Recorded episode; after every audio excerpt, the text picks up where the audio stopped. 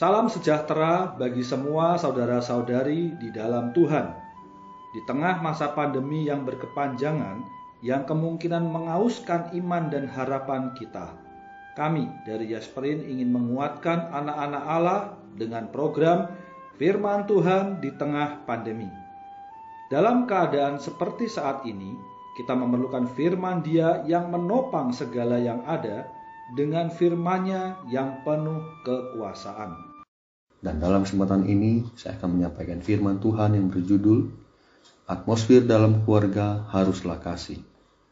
Firman Tuhan diambil dari 1 Tesalonika pasal 2 ayat 7 dan 8. Tetapi kami berlaku ramah di antara kamu, sama seperti seorang ibu mengasuh dan merawat anaknya.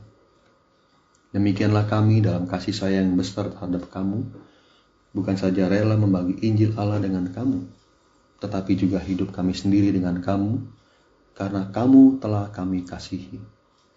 Atmosfer dalam keluarga haruslah kasih. Bagaimana seorang anak bertumbuh tergantung pada atmosfer dalam keluarganya.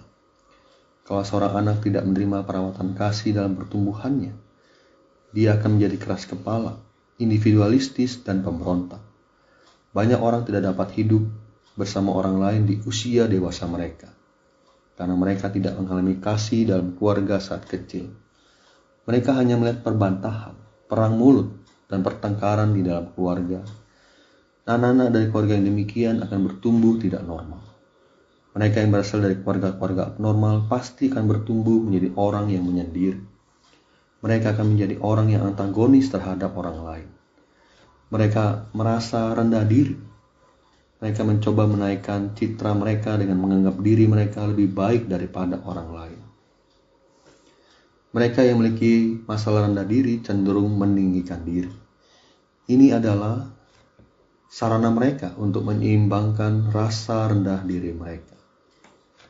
Di masa serba tidak menentu ini, kehidupan keluarga bisa terganggu, sehingga hubungan antara anggota keluarga, antara orang tua dengan anak, atau suami istri menjadi kurang harmonis. Orang beriman baru harus melihat bahwa mereka harus memperlakukan anak-anak mereka dengan tepat. Sebuah keluarga harus dipenuhi dengan atmosfer kasih dan kelembutan. Anak-anak yang bertumbuh dari keluarga yang demikian akan menjadi orang yang normal.